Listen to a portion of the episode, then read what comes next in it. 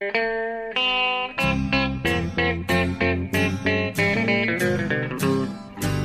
out there, we're on the air. It's hockey night tonight. Tension grows, the whistle blows, and the puck goes down the ice. The goalie jumps and the players bump, and the fans all go insane. Someone roars, Bobby scores at the good old hockey game. Oh, the good old hockey game is the best game you can name. Hallå, hallå, hallå, hallå, hallå, hallå. Ja, eller howdy, som jag säger. Ja. Per Bjurman.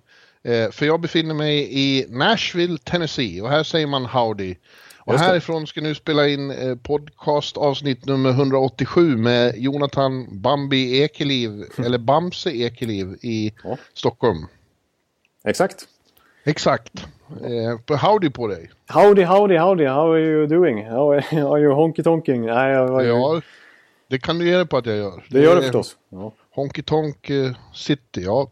Ja, det är fantastiskt. Det är första gången sedan, eh, sedan 11 juni när, när eh, Patrik Hörnqvist avgjorde senaste finalen som jag är tillbaks här. Och, eh, ja, det, är väl inte, det, det, det är väl inte rambling på riktigt samma sätt som det var då, men, eh, men fortfarande ja, det är en av de absolut bästa platserna i USA att vara på. Och NHLs eh, Ja, det är ju Vegas, Nashville och sen kommer Tampa. Oh, ja.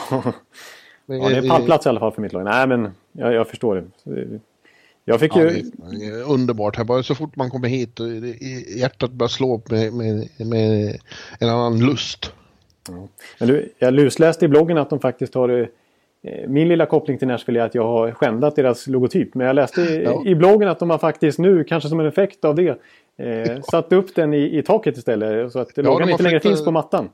De har flyttat eh, eh, klubbmärket från mattan på golvet till en ljusskylt i taket i omklädningsrummet. Ja. jag skrev ju det. Där ska inte ens Jonathan Ekeliv kunna skända det. Nej, exakt. Det, det, Ja. alltså, alltså det, det är ju en, egentligen, det ska vi inte dra nu, men det är, det är faktiskt en längre historia än vad man tror bakom att jag klev på den där loggan. Det är inte bara att jag råkar kliva på den, utan det, det finns faktiskt en, en bakgrund till det. Men jag ska inte dra den nu. Nej, men det var ju mycket att jag underströk att du inte skulle göra det också. Nej, exakt. Usch. Och det var det sista du ville göra och så gör du det ändå. Ja, precis. Ja. Och Nej, jag, Utställning av Shea Webber. ja, de, de, alltså jag kan vakna mitt i natten av de ögonen. Alltså. Den svärtan liksom. Den nyansen Oj. som dök som bara... Ja, usch. Men, ehm, ja, men det är alltså Nashville. Ja, och det går ju bra för det laget det också. bra. Bortsett från att det, eh, ja, som du såg där i introt igår då så radade jag upp allt som är fantastiskt här med Honky Tonk och barbecue och Bluebird Café och Stetson-hattar och, och Honky Tonk natten lång. Ja. Eh, och som grädde på moset då så råkar det också spela ett helt fantastiskt hockeylag här nu i, i en av de livligaste ladorna i hela ligan.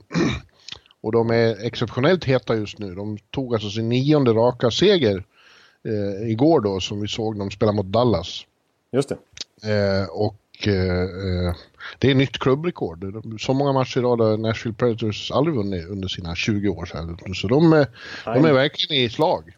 Det är lite symptomatiskt där för eh, känslan kring den här klubben nu. Alltså, visst, de gick till final förra året och det är en oerhörd bedrift. Det är inte så lätt att återupprepa det. Men nu kän, de känns faktiskt ännu hetare just nu än vad de gjorde då. Eh, än senast du var där. Trots att det var sån hype kring lagen nu så känns det som att det här är kanske the team to beat i hela NHL. Ja, alltså de, eh, man- glömmer ju lätt det. De kom ju in i slutspelet som, eh, vad heter det? Eh, Ja, sista laget. Wildcard-lag i, i fjol.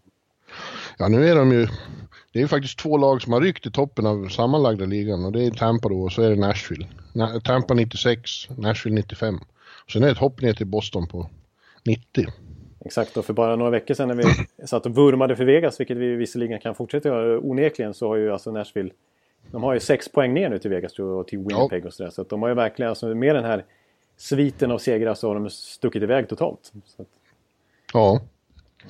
Ja, är, men alltså det räcker ju att titta på pappret vad de har för lag. Liksom. Eh, eh, nu, det har ju visat sig att den här Ryan Hartman var också en väldigt utmärkt eh, David Poyle-värvning. en liten snygg sån där, sneaky.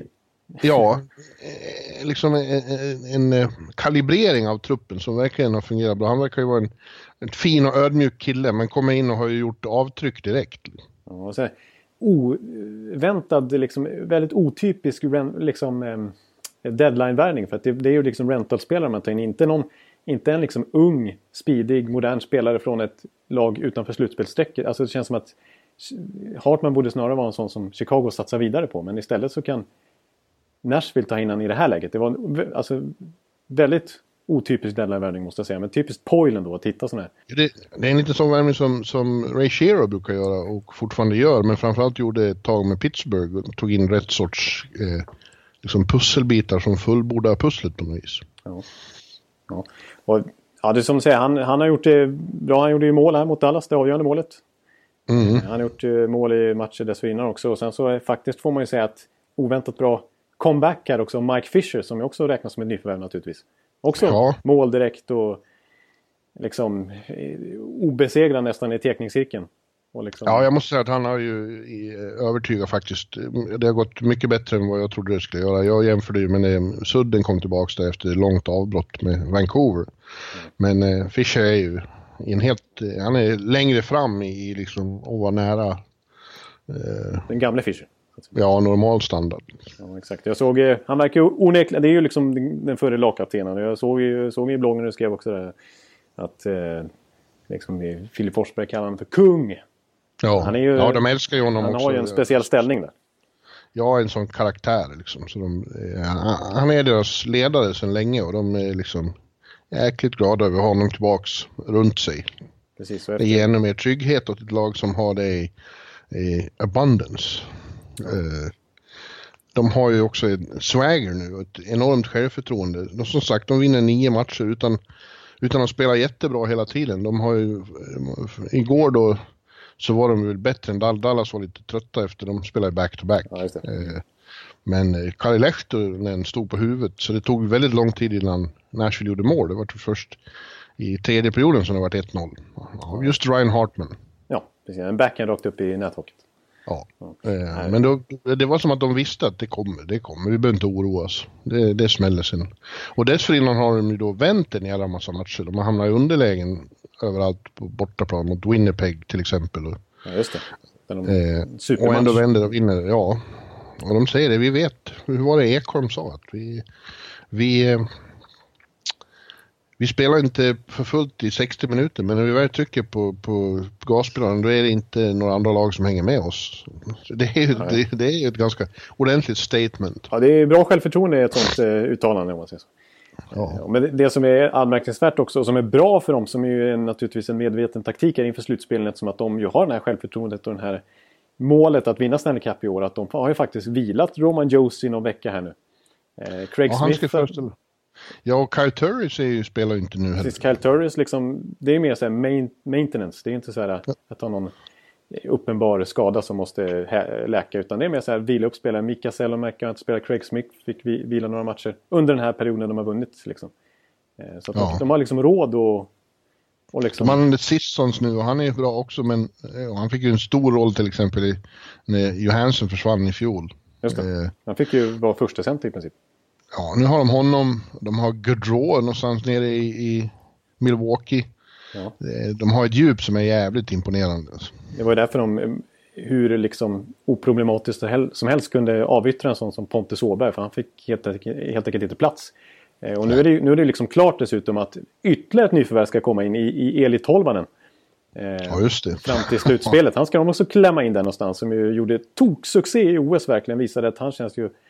Det känns ju man ser ju liksom fram emot att se hur han står sig i NHL nu direkt. Han är ju bara 18 bast. Ja. Eh, ja. ja, men eh, alltså vi får ju komma ihåg det. Nu, nu säger alla det, åh det måste bli Tampa Nashville i final. Alltså. Men det blir ju det blir nästan aldrig det. Det är nästan aldrig ettan mot tvåan. Nej. Exakt. President's Trophy är ju ingen bra grej. Det är ju förbannelse över det. Ja, det, då är det bara en massa press på sig och det klarar inte lagen av att hantera. Liksom. För det är så pass jämnt så att eh, lite press, ja. press på sig verkar vara eh, dåligt recept. Alltså, Pittsburghs filosofi när de har gått långt och vunnit här, det, då har de ju varit liksom i ja, mellanskiktet i slutspelet ungefär. Och Nashville som sagt förra året, sist in. Inga ja. förväntningar på sig överhuvudtaget. Mötte ju då Chicago som hade vunnit västra konferensen och bara skulle ja. städa av Nashville. Men så blev det precis tvärtom, 0-4 matcher. Ja, de som kommer in bakifrån har ju mindre att förlora, det är bara så. Mm. Eh, och i nuläget då så skulle eh, Tampa ställas mot Columbus. Eh, det bör de ju, tycker man kanske vinna. Det, det tycker Men, jag. och, och Nashville skulle ställas mot Kings. Men sen eh, kommer det ju liksom desto svårare motstånd. Precis, då blir det ju, det blir ju Winnipeg och det blir eh, ja, Dallas kanske eller ett eh, Anaheim som jag tror kommer smyga lite i bakgrunden här. Alltså, Ja, de det tror jag Det har jag sagt hela Ja. tiden. Nej, så det, det, det, det, vi ska inte bara skriva hem det här åt honom. men det ser ju som sagt väldigt bra ut. Alltså en sån som Pekka som var så ifrågasatt vid motsvarande period förra året. Han gjorde ett fint slutspel, men fram till dess så sades det ju till och med att Jussi Saros kanske redan då skulle konkurrera ut honom. Just nu så håller ju han på Han håller ju på att vinna Vezina Trophy nästan nu. Alltså han har ju Han är ju i kapp och förbi eh, Vasilevski i de här klassiska kategorierna. Eh, och sen nyår så har han varit fullständigt dominant. Han är ju nästan 94 procent. Jag har bara förlorat två matcher sen dess. Så liksom. Ja, igår höll han nollan. Precis, nu är han ikapp Vasilevski med sju nollor också. Liksom, så att, Ja, han är, han är mäktig. Pekka, Pekka Pinne. Som, ja, Pekka Pinne var han ju förra året då. Liksom. Det, det var ju inte den här gamla Pekka Rinne, men nu är han ju... Vadå, ju- tycker du att Pekka Pinne är ett, ett, Ja, men- ett skällsord? Ja, lite så. Ja, men det, det var Nej, lite... Jag tycker bara det låter underbart. Ju. Ja. Det är mitt ja. rättstavningsprogram alltså, har vi kommit fram till förr, som vill döpa varje gång jag skriver Rinne så vill jag ändra det till Pinne. Och det är lite roligt tycker vi då. Ja, det är lite kul. Det är det faktiskt. Ja.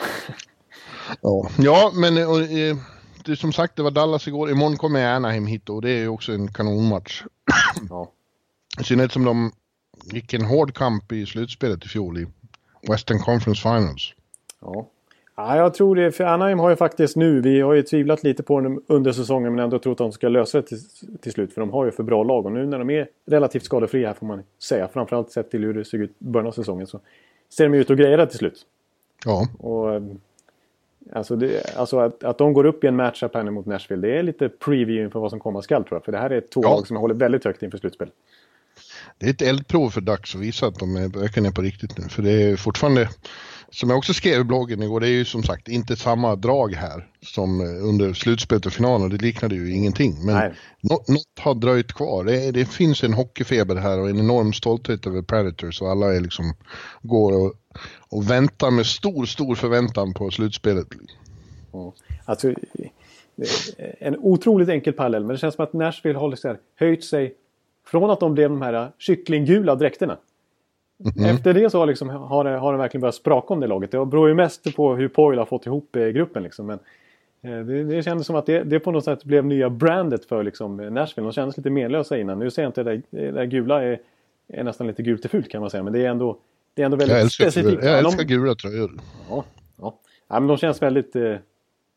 Alltså det, det känns verkligen speciellt där inne i Bridgestone Arena. Alltså när det är helt, helt gult liksom. Det känns... Ja, ja jag, jag känner mig privilegierad som får gå dit imorgon igen. Och för övrigt är det eh, kryllar av svenskar här igen som är här och tittar. Och det förstår jag. Det är en perfekt, perfekt ställe att åka till och gå på hockey eftersom arenan ligger smack mitt i city och, och, och city runt omkring är väldigt eh, livfullt. Så åk till Nashville, åk till Vegas. Det är, mitt, det är mina starkaste rekommendationer till NHL-publiken. Ja, jag kan bara stämma under. Jag fick ju... Jag ju Stämma under? stä, stämma. Stämma in! Ja. Stämma under ska jag inte göra. Nej, stäm inte under. Nej, det, jag, jag, jag, jag struntar i det. det, är att men, hacka i, det är att hacka i galen stubbe. Ja, det, det tänker jag inte göra.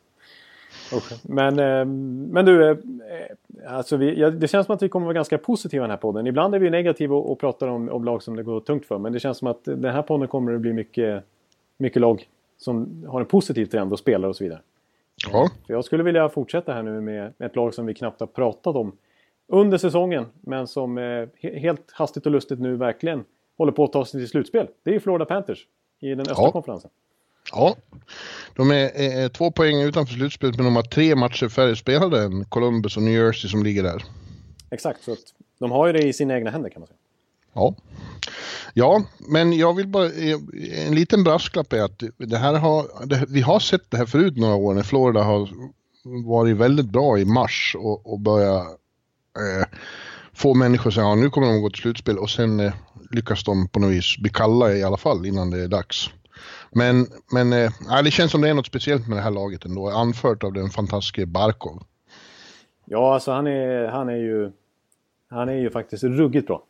Det känns Ja. som att han, han bara får mer och mer liksom... Att det går upp mer och mer för folk hur bra han är. Liksom. Ja, Eh, men om, eh, alltså jag, jag, skulle kunna snöa in lite på Barco, men först vill jag bara konstatera att den, den, den stora huvudorsaken till att, att de verkligen har börjat rada upp segrar nu. De är ju, alltså sen All-Star-breaket så har de förlorat typ tre matcher tror jag. De har ju uppe i 13 segrar de senaste 17 matcherna. Någonting. Det är därför de går så bra nu. Men eh, den som, liksom markören från att det började lyfta för dem, det var ju faktiskt när Roberto Longo kom tillbaka från skada efter två mm. månaders frånvaro. Han har ju verkligen varit Alltså gamla Pekka Pinne liksom tillbaka så är Roberto Longo lite samma sak. Alltså fantastiska siffror. Eh, och lite, alltså både en, en, en superhyllning till honom från Bob Bogner. Nu ska jag uttala hans namn rätt så det inte blir fel. Ja, jag sa jättefel här för några veckor sedan. Eh, eh, eh, eh ja, det, du, ja, det är en av dina bästa felsägningar någonsin ja, i klass med Esposito. Jag tänker inte upprepa vad jag sa. Men eh, jag får räkna ut själva. Men eh, han... Eh, och det samtidigt en, en riktig passning till eh, James Reimer var ju att han sa att om Longo skulle varit skadefri hela säsongen, ja då hade vi garanterat haft 5, 6, 7, 8 segrar fler. Så ja. viktig är han för det här laget. Han är tokgiven första keeper liksom och han, han är en sån som kan stjäla matcher åt oss. Ja. Och han, han ja. bra. Mm. Men de har ju fortfarande också, om man tittar på pappret så är det ju ett, ett starkt lag. Liksom. Ja, visst. Vad hände nu? Det kom på någon musik? Eller var det bara jag som hörde det? Det var nog Nashville... Eh... I mitt huvud. Det, det är allt Honken Tonkande som har eh, börjat ja. sig påmint där. Ja, nej, men... Eh... Ja visst, de har ett jättestarkt lag. Och, men jag måste säga så här också att... För det... Nej, alltså jag, jag kommer inte ifrån det här med att de bara avyttrade Jonathan Marchessault och, och eh, Riley Smith för ingenting. För ett fjärde Nej, de har ju gjort lite sådana saker liksom. Absolut. De, alltså de hade haft råd med dem under lönetaket också. Alltså nu ja. kanske inte det budgetmässigt, för det var därför de släppte dem. För att de, liksom, de ville skära ner budgeten. Alltså de, de skulle ändå inte kunna ha råd att, spendera till lönetaket. Men hade de kunnat göra det, vilket man tycker att ett NHL-lag ska ha råd med för att vara, vara med i ligan. Eh, det är därför lönetaket är satt på den nivån. Liksom. Eh, så, så hade, alltså, då tror jag att Florida hade kunnat hota Toronto, Boston, till och med Tampa. Alltså i Atlantic-divisionen. För jag menar, tänk dig en tredje kedja då. De har redan två fantastiska första kedjor. Alltså Alexander Barko spelar mest i hela NHL av forwards. Vincent Trocek spelar tredje mest i hela NHL av forwards. Det är bara Anse Koppit däremellan. Alltså första och andra eh, centern i det här laget har mest istid. Sen har de liksom inte mycket att komma med i sina tredje och fjärde kedja. Men tänk då om de hade haft som bredd så att de kunde haft Riley Smith och Jonathan Marchessault där också. Ja. Eh, det hade kunnat, alltså då hade de varit en, nästan en contender skulle jag vilja säga. Ja, och vi är många som börjar hoppas på, i synnerhet efter matchen igår då, att det kan bli en första runda mellan Tampa och Florida. Äntligen, de har aldrig mötts i slutspelet. Ett riktigt Florida-derby, det vore ju kul. Ja, det, det vore kul. Det... Men vore det inte otäckt också? De, eh, det skulle väl kunna, de skulle kunna ställa till det för Tampa. Eller har Tampa ja. sånt psykologiskt övertag på dem? Nej, jag tycker alltså varje match den här säsongen de har mött så har Florida faktiskt fört spelet nästan skulle jag säga. Alltså, det har blivit otroligt mycket mål. På fyra matcher så har det blivit 39 mål. Alltså nästan 10 mål per match i snitt då. Ja, det var 4-4 igår och då hämtade eh, Florida in tvåmålsunderläge och sen avgjorde då Braden Point med ett av de snyggaste målen hela den här säsongen. Ja, det, det, det, det tycker jag definitivt man kan... Till och med du kommer från din då, inte från min till och med. Så snyggt var det. Ja, det var jävligt snyggt. Men eh, matchens kung, kungar återfanns ju i Floridas första kedja där med eh, Barkov då som eh, dirigerade alltihop. Och Bjugstad gjorde hattrick. Precis, han gjorde faktiskt hattrick. Eh, och det, han, hans spel tycker jag är lite symptomatiskt för hur Bogner vill spela. Alltså, förlåt. Men alltså, jag är imponerad över hans, för han är ju old school. Alltså, han är ju väldigt så här liksom, liksom trycker mycket på attityd och så, boom liksom. Och, och, så här, och han tar in Michael Haley som en renodlad fighter liksom. Oh, in och fightas liksom. Och det är jag menar, totalt meningslöst. Michael Haleys enda insats i den här matchen det var att gå och fightas med Braden Coburn. Coburn. Eh, ja. Varför skulle han fighta med honom? Det är bara bra för Florida om Coburn spelar. Liksom. Så, det, så Michael Haley fyller ingen funktion alls. Men det är en del i Bogners filosofi. Men annars så handlar det väldigt mycket om Alltså, alltså jag, jag, jag, tror inte jag sett något lag i år i NHL som spelar så rakt som Florida gör. Alltså det är verkligen... De, de är otroliga i sin transition-spel. Alltså hur de, fort de liksom förflyttar spelet framåt med några ynka passningar. Liksom. Eh, under den här perioden när de har vunnit så mycket matcher var det ett tag som, de, som 15 av deras senaste 20 mål var på kontring. Det är en enorm siffra. Eh, Eh, Men igår mot, mot Tampa så, så tyckte jag också att det, liksom, Bjugstedts mål var bara rent så här, kötta in på mål och, och trycka in det. Liksom. Alltså, oh. En enorm liksom, inställning på att bara redan från egen zon och framåt till att bara rakt mot kassen, inget annat. Inget krusidull. Eh, så att, eh, och det tycker jag att de verkligen börjar sätta nu här när, när, när han har varit... När de har haft samma tränare ett tag här nu. Efter, fått, börjar få lite... Men det har varit så rörigt i organisationen ett tag. Ja, vad heter han, coachen? Bob Bugner. Ja, förlåt att jag tycker det är så lustigt. Men du varit så förskräckt när du insåg vad du hade sagt. Ja, exakt. Ja, nej, men det, det, det är ett bra lag. Det är ett väldigt bra lag. En liten kort sak jag vill säga om, om Barco också som jag tycker är lite specifik för hans spel. Eh, det, är, det är att han har ju... Det har vi varit inne på tidigare under säsongen att han är ju det här med Selke-kandidat och hans otroliga siffror när det kommer till att bryta passningar till exempel. Och mm. eh, för, några, för några veckor sedan när du var i Vegas där så så kom, och du blev eh, efter kallad för Lion eftersom att du hade pratat klubbor med William mm. Karlsson. Eh, och att han hade eh, kopierat Viktor Rasks klubba och, och, kapat bort 10 cm och ändrat Lion. Och, lite mm. sådär. och att det har tillfört mycket till hans spel. Så, så Alexander Barkov i sin tur. Sen han var liksom, när han började spela hockey som 4-5-åring redan. då använde han sin farsas klubba som ju var dubbelt så lång som han själv. Eh, så han har liksom, och men han tyckte det var gött. Liksom. Han liksom vande sig vid att en hockeyklubba ska vara enorm. Oproportionerligt lång till honom själv. Så att han har alltid spelat med för långa klubbor. Alldeles, alldeles för långa klubbor. Eh, som Zuccarello? Ja, lite som Zuccarello. Precis, Zuccarello är verkligen känd för det också. Men det har i sin tur gjort, enligt Barco själv, då, att han, han, liksom, alltså han får en, en väldig räckvidd. Och, och liksom mm. ruggigt bra på att bryta passningar trots att alltså, han får en väldigt är väldigt spann kring sig där han kan liksom täcka av is och sådär. Eh, på grund av sin långa, han är mästare av att hantera sin långa klubba. Liksom. Mm. Eh, så det, det, har, det har stor del i, menar han själv då, att han är så bra på just den biten av, av spelet. Eh, sen är han mm. fantastisk offensivt också, men det är alltså... Ja, Selke-diskussionen där är han högaktuell alltså. Absolut. De har ju bra backar också, åtminstone på pappret där. Jandel och, och, och Aaron Ekblad till exempel. Ja. Det är ju så storartade backar. Ändå. Precis, och Matheson är, är rätt bra också och några till där. Alltså Bissek till exempel. Men de, har, de har faktiskt gjort fjärde mest mål, eh, deras backar i hela NHL. Det är ju, Nashville är ju tok etta. Eh, men sen har vi Florida på fjärde plats. Ja, vi får väl eh, utfärda lite varning för Florida då. Det vore väl kul för de hockeyfans som finns där. För det är så, eh, det tjatas ju alltid om att det är så lite folk på deras matcher, men när de väl eh, har lite framgång och går till slutspel, de har ju gudbevars varit i final en gång, ja. då, då brukar det komma rätt mycket folk där och tycker om att få slänga ut råttor på isen. Ja, råttgrejen eh, där 96, det är ju en klassiker som står sig än idag liksom. Ja. Så att det, det, det, det finns ju, det går ju åtminstone att få till ett intresse där. Ja. Mm. Men du, när vi ändå pratar om stora finländare då så är det ju en annan eh, Barkovs kompis, yngre kompis. Eh, Patrik Laine har ju också blivit så satans het så han skulle kunna eh, han får eh, bastuaggregaten hemma, eller bast, bastuhusen hemma i Finland och framstår som iglos, så heter han. Ja, det är bra övergång där. Ja. Jo, nej, han, han är faktiskt... Eh, han är väl hetast. Man kan argumentera för några andra spelare också. En sån som Taylor Hall som vi kanske pratar om också. Men som vem som är hetast i NHL just nu. Men alltså Line 13 mål på de senaste vad är det, 9 matcherna. Ja. 20 mål på de senaste 23 eller vad det är. Han är alltså på väg att gå, gå ikapp och förbi känns det som eh, Ovechkin. Alltså. Ja, nästan. Han är uppe i 38 nu. Va? 38, ja. ja. Efter ett hattrick på Garden igår då. Eh, han gjorde två på Henke Lundqvist och sen eh, tredje i tom kasse. Uh, och uh, ja, det innebär ju också då som uh, vår vän Jarko, ja. han blir lite till sig sådana nätter så det kommer liksom lite uppgifter på sms och så om hur det verkligen ligger till. Ja, och han, vad gäller den lätt obskyra statistiken över tonåringar som har gjort flest mål i NHL, ja.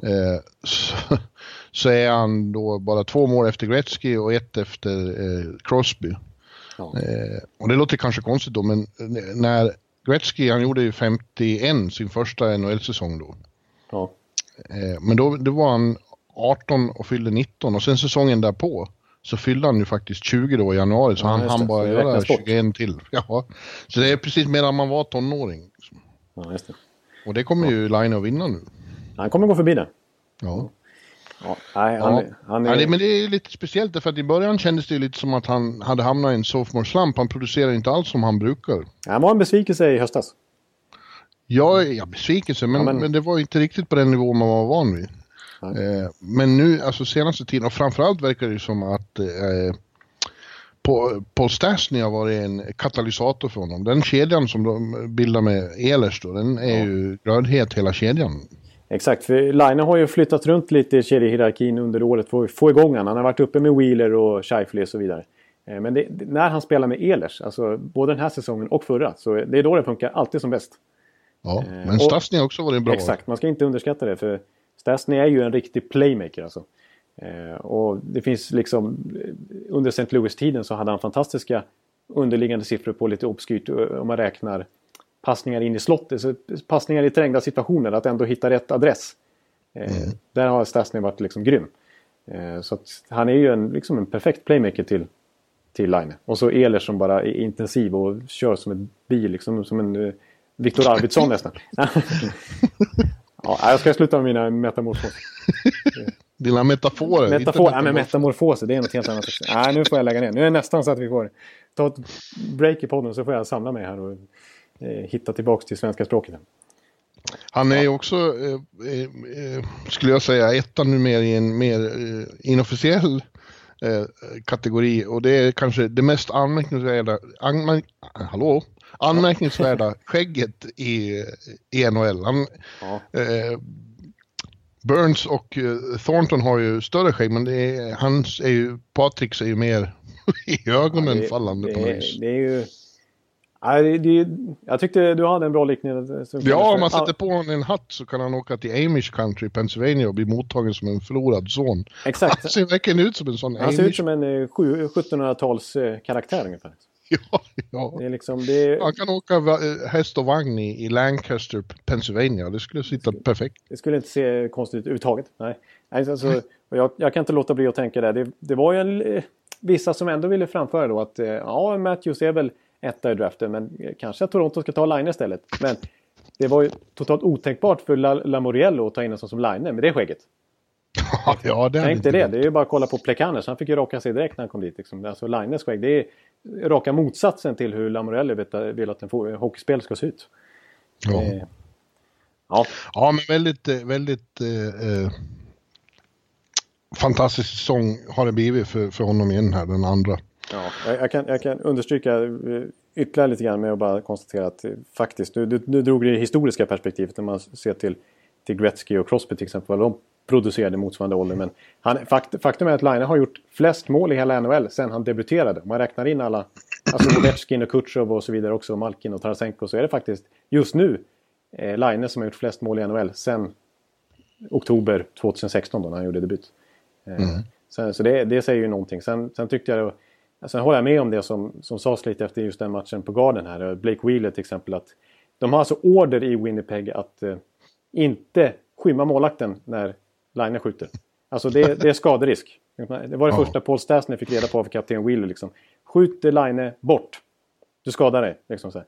Och även Henke Lundqvist var inne på det. Steve Mason var inne på det efter, den här matchen. Och hela säsongen egentligen. Men Henke Lundqvist just efter den här matchen. Att man, som målvakt hinner man liksom inte reagera. Utan det gäller att få den på sig. Då kan man, då kan man eh, rädda skottet. Men man hinner liksom inte reflexmässigt göra en, en räddning när, när Line får läge att skjuta. Nej. Och jag tycker, jag tycker nästan han sticker ut lite på det sättet. Till och med jämfört med Ovechkin. Alltså när det kommer till hans skott. För det, jag tycker faktiskt att han har bäst skott i hela NHL. Alltså... Ja, det är så speciellt. Det, det, ser ju, det ser ju mer snabbt ut än hårt, vilket är en konstig eh, fysiologisk... Det är mer en optisk sak, för att han tar inte i så fruktansvärt. Så det, det är inte världens sving liksom. Nej, utan det är mer en helt jävla fantastisk, nästan unik teknik han har. Ja, som får en sån fruktansvärd liksom, katapulteffekt. För tar man en frysbild så är det ju... Klubban är ju nästan vikt liksom. Alltså ja. under en hundradels sekund eh, ungefär. när han avlossar skott. Och det, det känns som att... Ja. Ja, man förstår ju Paul Maurice sa efter matchen igår också att vi... När han är så här het så vår, vår taktik går ut på att ge Patrik pucken. ja, ja, exakt. Och, och ändå så, så tycker jag det, om man jämför med just Ovechkin till exempel, för de är ju, då, då är ju de tveklöst två liksom stora snipers i NHL just nu. Eh, så alltså Ovechkin skjuter ju enormt mycket skott. Alltså han lös, avlossar ju bossan så fort... Eh, bossan, bössan. Så fort han får chansen. Han har skjutit nästan 300 skott den här säsongen. Medan mm. Line, han ligger faktiskt bara på 190 typ skott. Alltså 100 skott färre än Ovechkin. Eh, men han har ju en enorm konvertering. Han är ju nästan 20% när det kommer, alltså att skotten går i mål. Eh, medan Ovechkin är typ 13-14% Och då kan man tycka så här, ja men eh, över ett längre perspektiv så brukar man säga att det där jämnar ut sig. Men i Lines fall, det var sa samma sak förra året. Runt 20%. Så att det är hans... Alltså han behöver inte så mycket skott på sig för att göra mål. Liksom. Utan han, han har bra skott så att den sitter eh, när han får chansen. Normally, being a little extra might be a bit much, but not when it comes to healthcare. That's why United Healthcare's Health Protector Guard fixed indemnity insurance plans, underwritten by Golden Rule Insurance Company, supplement your primary plan so you manage out of pocket costs. Learn more at uh1.com. Ja, men låt oss prata lite Ovechkin också då, för att han är ju ändå först den här säsongen att springa 40 barriären, 40 gränsen. Ja. Och eh, fick frågor om det efteråt. Han sa att ja, 40 är en fin siffra, men 50 är ännu bättre. Så han ja. har ju siktet inställt på 50 då. Det, det, skulle väl inte förvåna alls om han når dit. Nej, äh, nej. För när vi pratar om det här och, och visst, eh, Line kanske kommer att på lång sikt kanske kommer att, att vara ännu värre. Men, men som det är nu ja. så är Alex Ovechkin det är svårt att jämföra med epoker, olika, för spel har varit så olika, men det är ingen snack om att han är en av de absolut mest mördande målskyttarna i hela hockeyhistorien. Nej, jag, jag, tycker, jag, tycker, jag skulle inte liksom höja på ögonbrynen och totalt eh, ifrågasätta om någon argumenterar för att han till och med är den bästa målskytten genom tiderna. Alltså just nu. Jag vet inte. Han, alltså i den här eran, så som han har radat upp 50 målsäsonger och till och med 60 målsäsonger. Mm. Eh, och fortfarande gör det. Liksom. Det var en mellansäsong i fjol när han gjorde 32 men så studsar han tillbaka nu och håller på att vinna skytteligan igen. Ja. Eh, och, men han debuterade, han har ju aldrig spelat liksom innan lönetakseran så det har ju verkligen varit den här, en tuff epok att göra mål i. Ja. Mm. För, alltså, jag, nu är jag lite, jag, jag, förstår äldre lyssnare som tycker jag är lite historielös nu. Men när jag tittar på klipp från 80-talet till exempel när Gretzky gjorde massa mål. Eh, och även Mike Boss och så vidare. Alltså nu, nu, nu vill jag inte låta, låta så. Liksom så men, alltså, men, men alltså, dels, man, man ser på målakterna, de är liksom hälften så stora och inte alls samma teknik. De är liksom naturligtvis, men alltså, bara en sån sak som att backarna idag sträcker fram klubban liksom så att pucken ja. åker upp i, i nättaket. Det, det, eller i, i, det är ju svårare, det är bara ser vi på hur, hur, hur mycket färre mål som görs i snitt. Ja exakt, för jag, jag, när jag kollar på Gretzky-klipp till exempel så ett, ett standardmål han gör förutom att snurra runt fem gånger i zonen. Han hade en skottfint han ofta gjorde. Att han skottfint och sen så fick han ner målakten eller en back eller någonting och sen så sköt han igen och så satt den. Den skottfint, det finns ju inte idag för att gör du en skottfint då, då släpper du ju liksom mm. eh, bladet från, från pucken och då kommer det en klubba direkt och petar bort den. Så den finten går inte att göra. Eh, så att liksom, det är ju betydligt svårare. Det är, ingen, det är liksom ingen överdrift att det är en enorm stor skillnad att göra mål idag. Och att, att Ovechkin har kunnat göra, eh, rada upp de här säsongerna i ett decennium eh, tycker jag är, är liksom Dessutom, otroligt Dessutom var det ingen som tacklade Gretzky. Men Ovechkin ja. kör de ju hårt, han är ju fysisk också. Exakt. Ja. The, the, the Great Eight. Ja. Så att, alltså jag vill inte förringa Gretzky för det som... Är, det, det som Nej, det ska man inte göra. Men, men, när det kommer till målskytte så tycker jag Ovi är... Alltså, även om man räknar in Bossy och Brett Hull och Gordie Howe och all, allihopa, eh, Sällen, ja. hela gänget, så, så, så tycker jag att han är kanske ett alltså. Det är så speciellt också att alla vet till exempel i powerplay då vad som ska hända. Ja. Eh, och ingen kan göra något åt det i alla fall. Nej, Han står där i, i vänstra teckningscirkeln och kommer pucken han får på sitt direktskott och får bra träff, då är det mål. Då är det mål. Och han måste det, inte ens träffa krysset eller något sånt där. Han kan träffa mitt i målet, den kan gå in ändå. Liksom, för ja. Det... ja. Det är ju en, det, det är som ett liksom en, en institution i hockey, det där hans, hans mål. Ja, hans exakt. direktskott. Alla som följer hockey lite grann för vet ju exakt vad man pratar om när man pratar om Ovechkin. Liksom. Och hans kontor. Ja. Eh, ja, jag, jag, jag, tänkte på det här om dagen också. Det, det, ja, det, det, men att säga, det är lite... Alltså, när man ser tillbaks snart på den här eran här med Crosby och Ovechkin. Liksom, där de var verkligen, det är de fortfarande kanske, får man väl säga, två liksom härförare i hockeyvärlden. Men har verkligen varit det senaste decenniet. Alltså, jag, kommer osökt att tänka på lite grann att eh, så här, parallell med fotbollen sen med Ronaldo och Messi. Liksom, Ovechkin är 85 precis som Ronaldo och Crosby 87 precis som Messi. Och Ovechkin lite så här lite kontroversiell och säger vad han tycker och eh, lite så här svart eller vitt liksom. Medan Crosby är lite tråkig, lite så här som Messi och lite så här. Och antingen så gillar man den ena eller så gillar man den andra. Ja. Och så exakt samma generation. Liksom. Eh, och överlägsna just eh, de här senaste 10-12 åren generellt sett. Ja, jag, bara, jag, bara fick, jag kom att tänka på det här häromdagen. Nu har jag sagt det. Ja. Ja, men du, eh, du nämnde i förbigående eh, en annan eh, stor begåvning som just nu eh, får ögonbryn att höjas och eh, eh, ja, gör verkligen intryck och det är Taylor Hall i, i, i, New Jersey.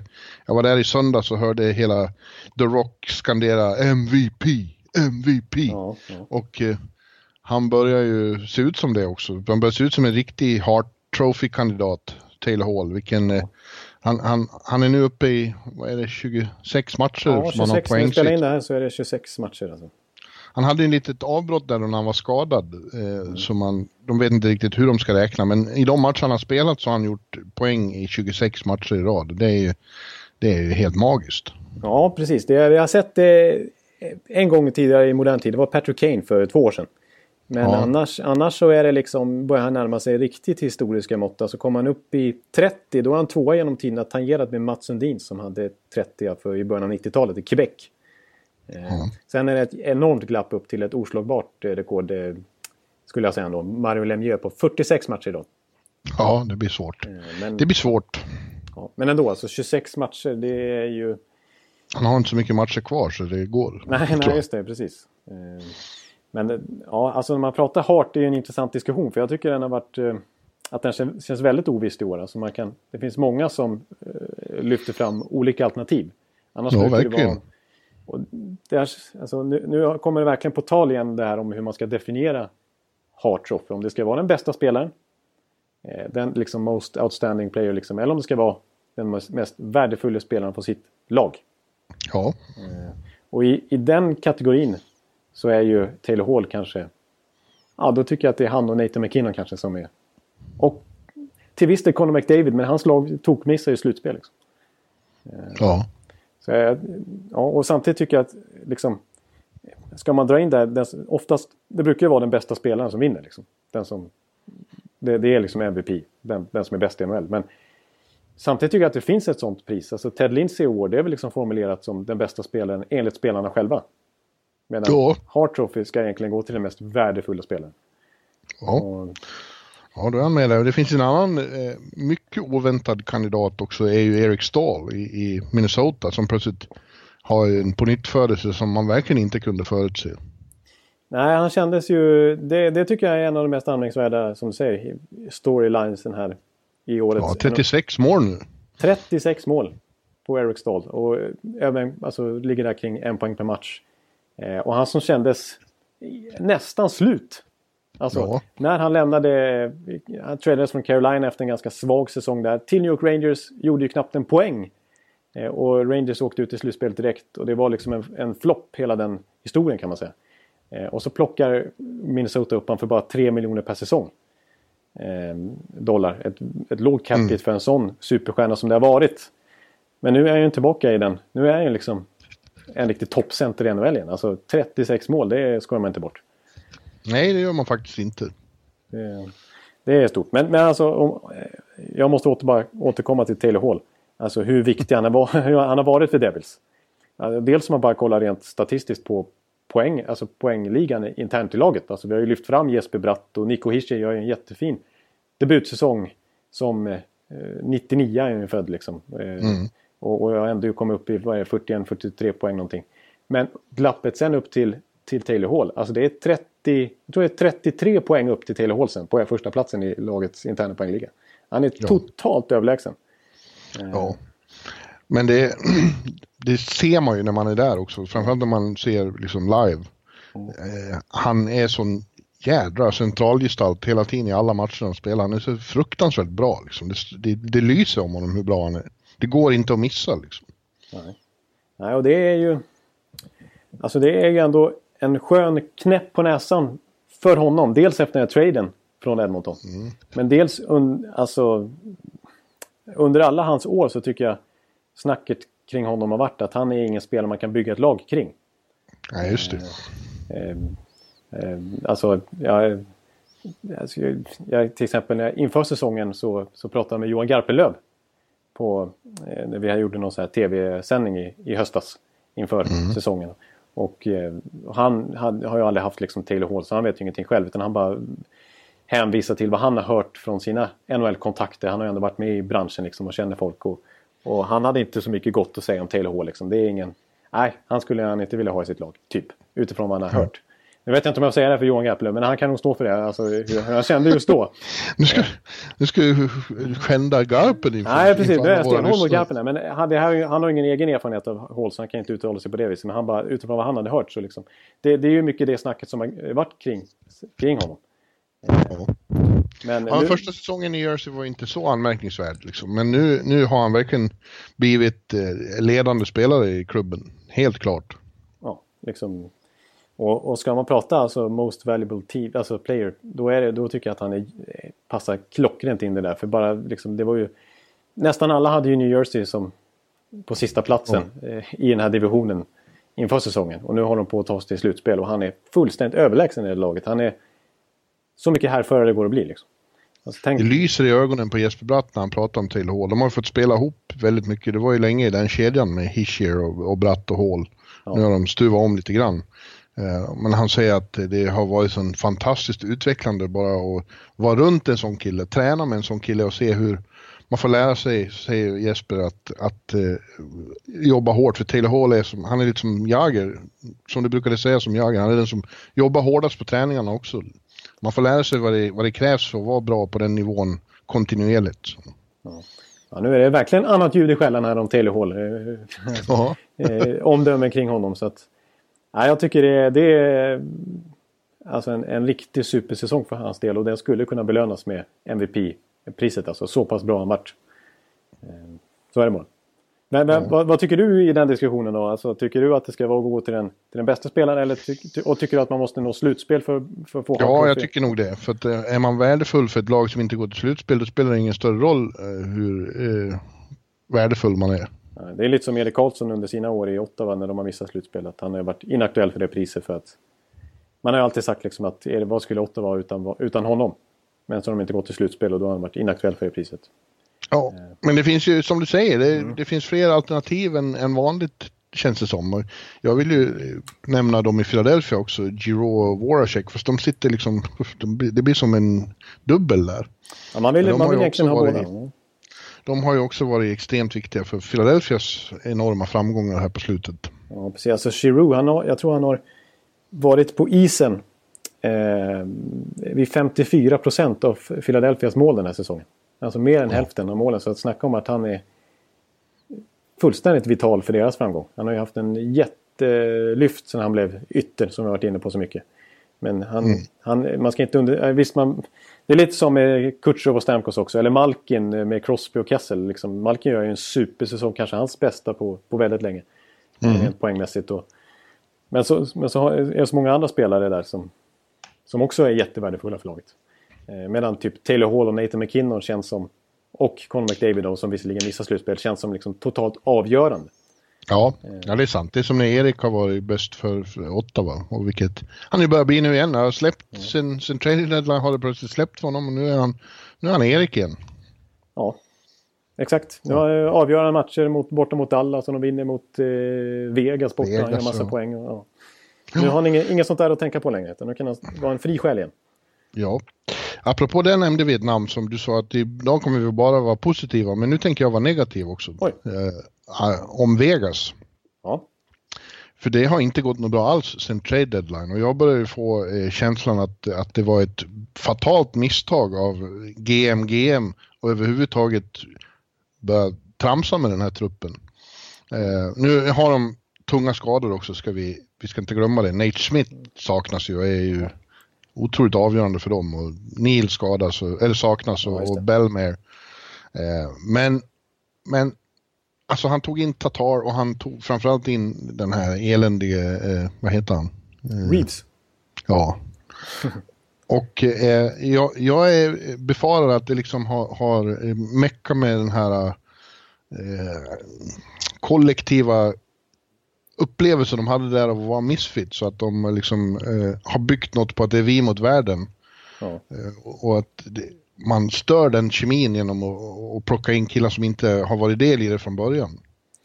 Nej, jag, jag bara får den känslan. Ja, jag tycker inte det är irrelevant. Alltså att det kan mycket väl vara så. För det var ju det som var hela grejen med Vegas. Det är inte så att Nej, och Jonathan Marsh han... och David Perron är några otroliga spelare. Oj, oj, oj. Liksom. Utan det, är ju, det som var deras grej var ju just kollektivet. Alltså ja, laget de, Vegas. Så de kallar sig själva Golden Misfits liksom. Ja. Alla hade den revanschlustan. Liksom.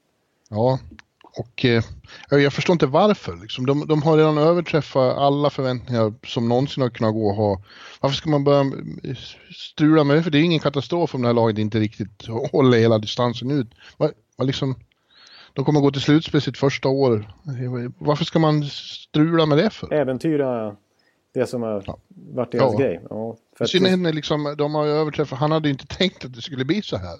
Ja, han, precis han knöt till sig en massa spelare som han skulle trada och skaffa eh, första val och bygga på, på, sikt. Men nu har ju det här laget liksom, vad fan låt dem löpa distansen ut. Tycker jag. Ja, jag, jag kan nog hålla med för man kände ju inte så här att oj, Tatar, oj, ja, nu, nu, Nej, nu, nu, det var sista pusselbiten här liksom. Och Reeves, han började med att ta utvisningar så det skrällde om det i första matchen i, i helt fel lägen. Exakt, och är ju inte någon jättefantastisk hockeyspelare liksom. Det irriterade mig väldeliga. Ja, jag förstår det. det är... ja, jag håller med dig där. Det, det, det, känns som att det var lite taktlöst faktiskt av McPhee som blandar och ger får man säga. Vi, vi, vi, har ju sett det några gånger att vissa, hos vissa lag är, är, är kemin känslig. Det var ju det i Nashville något år här. Med ja, de misslyckades på mm. Ja. Och vi såg ju Hansal in till Minnesota förra året. Var ju, jag menar, de slutade ju spela då. Helt plötsligt ja. för att de fick, eh, det kändes som att all, de fick så mycket förväntningar på sig. Oj, vilken centersida liksom. Och, och liksom nu, nu, nu är Wild redo för att liksom kunna ta sig till en konferensfinal eh, minst. Och sen så levde de inte alls upp till, till de där förväntningarna och åkte ut med huvudet före direkt. Liksom. Ja. ja så det, det, man, ska, man ska nog inte unders, liksom, underskatta den kemin liksom, som ändå Nej, finns. ska man inte. Hoppas jag har fel, hoppas de gör succé, hoppas jag det är Vegas Nashville i konferensfinal, det skulle inte jag ha något emot. Nej, de, de resorna, så att säga. Ja. Mm. Mm. Ja, vad har vi mer då? Jonte? Vi kan ja, väl det... nämna det lite speciella, det blir väl en blandning av positivt och negativt då med eh, det underliga som har hänt i New York med Rangers då. Nu fick de, kom de väl ner på jorden då igen mot, mot Winnipeg men direkt efter trade deadline när, när ledningen hade bränt ner laget ja. då åkte de till västra Kanada och ställde till med en sweep och slog både eh, Vancouver, Calgary och Edmonton. Ja, det var inte meningen. Det var inte alls meningen, men, men eh, de, de säger själva att de, de som är kvar nu, de, dels har de nu slappnat av, de behöver inte... De, ja, nu vet de ju att de, de är kvar där. Ja. ja, och de känner att de inte har någonting att förlora och, och tänker att det skulle vara en underbar story om de, om de gick till slutspel i alla fall. Det vore ju helt otroligt. om de gör sig av med Rick Nash och Ryan McDonough och, och, och Grabner och, och Holden och, och, så går de till slutspel, och Miller, och så går de till slutspel i alla fall. Det vore ju helt sinnessjukt. Precis, och liksom klubbledningen markerar ett öppet brev att nu ska vi börja om och skita i den här säsongen ungefär. Ja. Och så liksom ett litet fuck you upp, uppåt. Ja, det är klart, de vill ju det som är kvar. Liksom. De slåss för sina jobb och de vill inte åka omkring och förlora. Nej, det är ju ja, jättemeningslöst för dem. Liksom. Mi Mika sa det på telefon efter, efter Edmonton-matchen att uh, han tyckte det kändes, började kännas som i Ottawa, det här året när de kom tillbaka från ja, just det. 15 poäng. Eh, ja, så vem vet, då kom Hamburglar in och stod på huvudet och i, och i västra Kanada var det ju Henke som stod på huvudet och, och gjorde 51 och 50 skott på sig två matcher i rad. Det gjorde ju några, någon räddning där som kan eh, definitivt platsa när, när eh, årets räddningar ska börja ja, summeras i ett highlights-klipp. Ja. Eh, Ja, ja, det är inte helt orealistiskt där. Jag, jag, jag tror mycket på Florida i wildcard-racet där, men de har, det är ju bara 5-6 poäng för Rangers. Det är ganska mycket tvåpoängssystem och det är bara ungefär knappt en månad kvar av grundserien. Men... Det kommer ju bli svårt. Men, och de har svåra matcher. Nu ska de ner och spela mot både Tampa och Florida. Ja. Eh, Det kan ju vara så att säsongen tar slut där. Precis. Och jag måste bara ta upp när vi ändå pratar om, om schemat här. Så det, jag tror ju mycket på Devils. Nu har jag suttit och hyllat eh, Taylor Hall här i hela podden ungefär. Men man bara kollar på vad de har för schema just nu. Alltså. Jag måste bara ta upp det snabbt. De, alltså, de möter Winnipeg borta nästa match. Sen Nashville borta. Sen Vegas borta.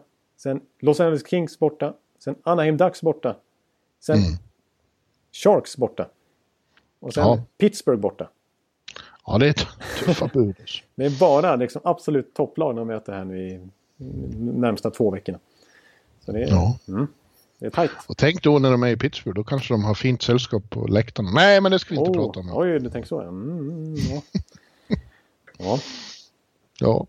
Ja, nej, men ehm, vi kanske ska summera. Jag, jag, ska jag nämna lite grann i den här eh, Player Poll som precis kom innan vi började spela in. Så vi har inte hunnit Ja, absolut, ti- titta absolut. igenom den. Liksom. Det här skulle man nästan vilja kommentera och analysera lite mer. Nu har vi bara siffrorna framför oss. Och eh, ska väl knyta ihop säcken snart här. För jag, jag sitter ju på jobbet och ska plugga och du ska ju vidare i Nashville-dagen här. Men vi pluggar, vad säger jag? Jobba Ja. heter det. Plugga, men det sysslar jag inte med. Eh, men eh, jag kan ju, kan ju nämna eh, några grejer. Vissa har vi kanske redan har sett eh, resultaten. Nu har jag den uppe också. Ja. Ja, det, finns ju, det, det är ju väldigt många frågor. Det är ett 20-tal frågor så man kan ju fastna, stanna vid lite vad som helst. Där. Men 81 procent svarar till exempel att Conor McDavid är, är ligans snabbaste spelare. Det är alltså NHLPA som har frågat 500 av sina spelare anonymt. Hela eh, NHL, liksom NHL-spelarna, 500 av dem. Eh, olika frågor och så har de kommit fram till olika svar.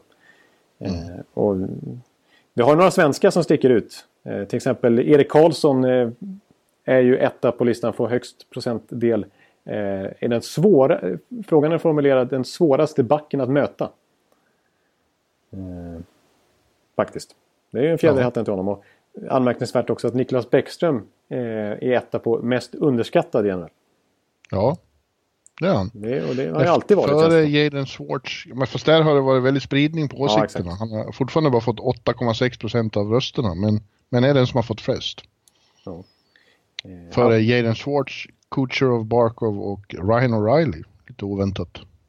Ja, lite oväntat också att Nikita Kucherov som poängligaledare nämns som underskattad. Liksom, att han inte har fått det erkännandet än. Mm. Ja. Men Erik, eh, Erik är den som back som de tycker är svårast att spela mot. Ja. Före Drew Doughty, Shea Webber, Brent Burns och Victor Hedman. Ja.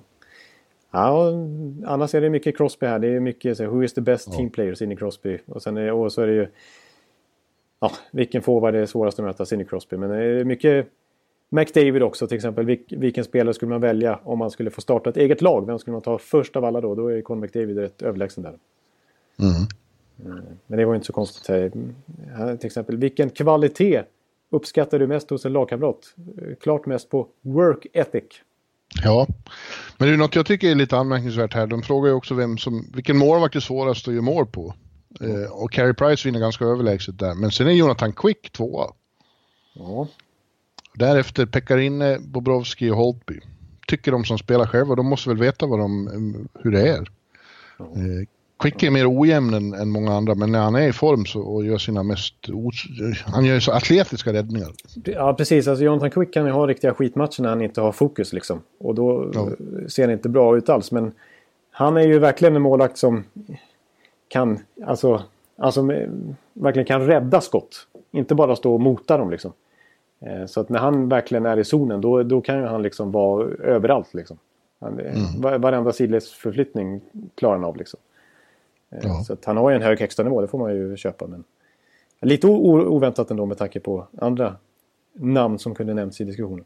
Det är, Ja. Generellt sett tycker jag att det är inte så mycket nya namn som dyker upp utan det är känns som att de har liksom ett spann här av fem års tid de, de blickar tillbaka mot när de svarar på frågorna. För det är, det är inte så mycket rookies direkt utan det är ju Kane och Crosby och, och Price och de här. Man måste ju hinna göra intryck också. Ja, precis, man måste hunnit hunnit möta dem några gånger. Den tränare de helst skulle vilja spela för är Joel Quenneville. 16,5% före John Cooper, Jared Gallant, Mike Babcock. Lite Ja, oväntat. det är oväntat. Efter vad jag- Det var otroligt oväntat. Ja. Och Peter Laviolette. Ja, men intressantare ändå är ju which current assistant coach should be the next head coach? Mm. Och det är DJ Smith i Toronto som har flest röster där och sen är det Todd Reardon i Capitals. Men trea är då Ulf Samuelsson. Ja. Chicago. ja det är ju... På samma poäng som Steve Ott i St. Louis. Ska Steve ja. Ott vara headcoach? Det vore något. Ja, det låter, det låter stökigt alltså. Men han är ju good guy in the room. Det var därför han har tradats ja. hit och dit och hamnat i Montreal förra året till exempel. Oj, men, det är väl eh, mycket det med Uffe också. Han är en väldigt omtyckt person. Han är bra på att skapa stämning.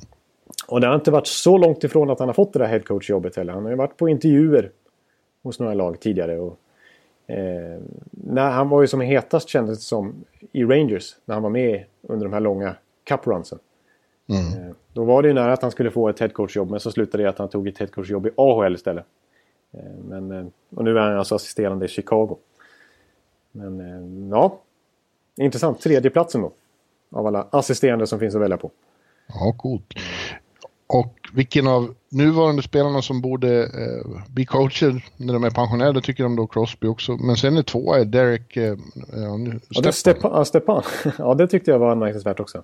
Han kom ja, alltså tvåa. Han måste, vara, ja, han måste vara väldigt på att prata hockey och ge intryck om det. Ja, man kommer tvåa en sån här omröstning. Sen måste man ju nämna, alltså, eh, apropå att vi nämnde honom i ganska negativa ordalag. Which, who is the toughest player i NHL? Ja. 44 procent, ja. Ryan Reeves. Ja. ja, jag får ge honom det då. Ja, han är tydligen jobbig att möta, men jag skulle nog ändå inte vilja ha honom i mitt lag. Alltså. Vem är bästa eh, domaren? Där vinner eh, Wes eh, McCauley väldigt överlägset. Ja. Före Kelly Sutherland. Men sen på tredje plats, mycket högt, det måste ju folk ha skojat om, är Tim Peel. ja. ja, det måste Dan skoja. Halloran och Trevor Hansen. Ja, det är riktigt klassiska domare i hela gänget. Där. McCauley känns det som att han har verkligen han alltså, är så rolig. Etablerat sig så här som eh, toppdomare i NHL tack vare sina underhållande ja. grejer som han sysslar med. Liksom. Ja. Eh, så att, eh, Sutherland tycker jag är, bra, är, riktigt bra som domare också. Så det tycker jag är glädjande att han får så mycket procent. Favoritställe att spela på? Bell Center överlägset etta. United Center tvåa. Madison Square Garden 3, Staples Center 4 och Bridgestone Arena 5. Lite konstigt, jag tycker att eh, de har glömt bort Vegas här. Det tycker ju alla egentligen är roligaste nu, för det ja. törs de väl inte säga. Nej, just det. Nu, nej, exakt. Ja. Nej, men Bästa isen har då Bell Center också. Ja. Det är nästan bara Kanada här. På, ja, det är kalla isen. arenor. Ja, precis. Bell Center, Rogers Place, Bell MTS Place i Winnipeg så kommer St. Paul in då. Det är ju nästan Kanada. Nästan och så Saddle Dome, ja. Ja, precis. Värsta isen, här är en negativ i alla fall. De har ju tyvärr ja. inte tagit med sådana som mest överskattade, så det brukar de göra förr. Nej, precis. Var... Sämst is är det tydligen i Sunrise, Florida. Mm. I Arizona, Brooklyn, Anaheim och Raleigh. Ja, just det. Mm. Mm. Ja, Brooklyn kom bara tre nu, annars har det varit mycket snack om att det har varit usel is där hos, hemma hos Islanders. Att de själva har klagat på det också. Ja. Och which team excluding your own has the best fans? Det vinner Chicago också överlägset tycker jag. Ja, de är ju bra på att skrika i nationalsången om inte annat. Men, ja. Ja. Och sen är det Nashville, Montreal, Toronto och Winnipeg. Jag tycker Las Vegas förbigås här med, och, och, med tystnad. Ja, du slår ett slag för dem här. Ja. men bra Nashville tycker jag definitivt. Det är ju som sagt ingen traditionell hockeymarknad men de senaste åren så har de verkligen alltså det är... Jag som bara upplevt en grundseriematch själv och inte var med under den här runnen då. Redan då hade jag kunnat sätta dem topp 5 liksom. Bara på den lilla upplevelsen. Ja, men så fortsätter det ju med, eh, eftersom det är NHLPAs 50th anniversary så är det all time också. Ja just det, nu är det bara att fortsätta här. Så det, det blir en lång Bästa forwarden of all time. Gretzky är såklart överlägsen, men före Mario Lemieux, Sidney Crosby, Jaromir Jagr, Peter Forsberg. En femma ja, på bästa forward genom tiderna. Ja, fint av någon att rösta på honom där. Precis, och Peter Forsberg måste jag bara säga, det kanske kommer... Ja, här har vi det. Här har vi det, precis. Who was your favorite player growing up? Etta. Peter Forsberg. Ja, Största... men det är för att det är den generationen som är nu. Liksom. Ja, exakt. Men ändå, det är, han konkurrerar med Steve Eisenman och Joe Sakic och... Eh, best defenseman of all time, det är Bobby Orr, över, rätt så överlägset. Men Lidas är tvåa. Niklas Lidström och sen Ray Bork, Paul Coffey och Scott Niedermeyer. Ja, just det. Best goalie of all time. Roy, Brodeur, Hasek, Price, Ken Dryden. Ja, Price är ändå fyra. Mm. Ja, titta. Forsberg etta på favorite playground. Det är coolt. Det är Peter coolt. Forsberg, Steve Eisenman, Joe Sakic, Niklas Lidström, Mats Sundin. Wow! Ja, det är tre svenskar topp fem. Ja. Annars kan man tänka sig att ja, det är ungefär 10% svenskar i NHL, så de har alla röstat på Forsberg. Men det har de inte gjort. Det är röster på Lidström och Sundin också. Alla tar plats topp fem. Alltså det är... Ja, men som jag ser, den här generationen som spelar nu, det är de som var liksom unga tonåringar när Foppa var som bäst. Ja, som vet hur bra han var när han var som bäst. Ja. För när han var som bäst så var han alltså... Ja, Han var en sån som man fick som favorit för att han var en sån karaktär också med sin liksom, intensitet. Sina offensiva tacklingar och... Ja, och ögonen som lyste på det där Ja, varje precis. Exakt, exakt. precis. Ja. Ja. men du, hörde du, som du sa, nu är det lite kallt i Nashville idag. Vi har haft två fina dagar här men nu har temperaturen sjunkit mot samma nivåer som när du och jag var här. Så nu ska jag klä på mig en tröja och gå ut och äta barbecue. Ja, men det låter ju fantastiskt skönt tycker jag. Mm. Jag tycker du ska göra. Eh, Jag återgår hit till, till redaktionen och puttrar, puttrar vidare med mitt vanliga jobb. här.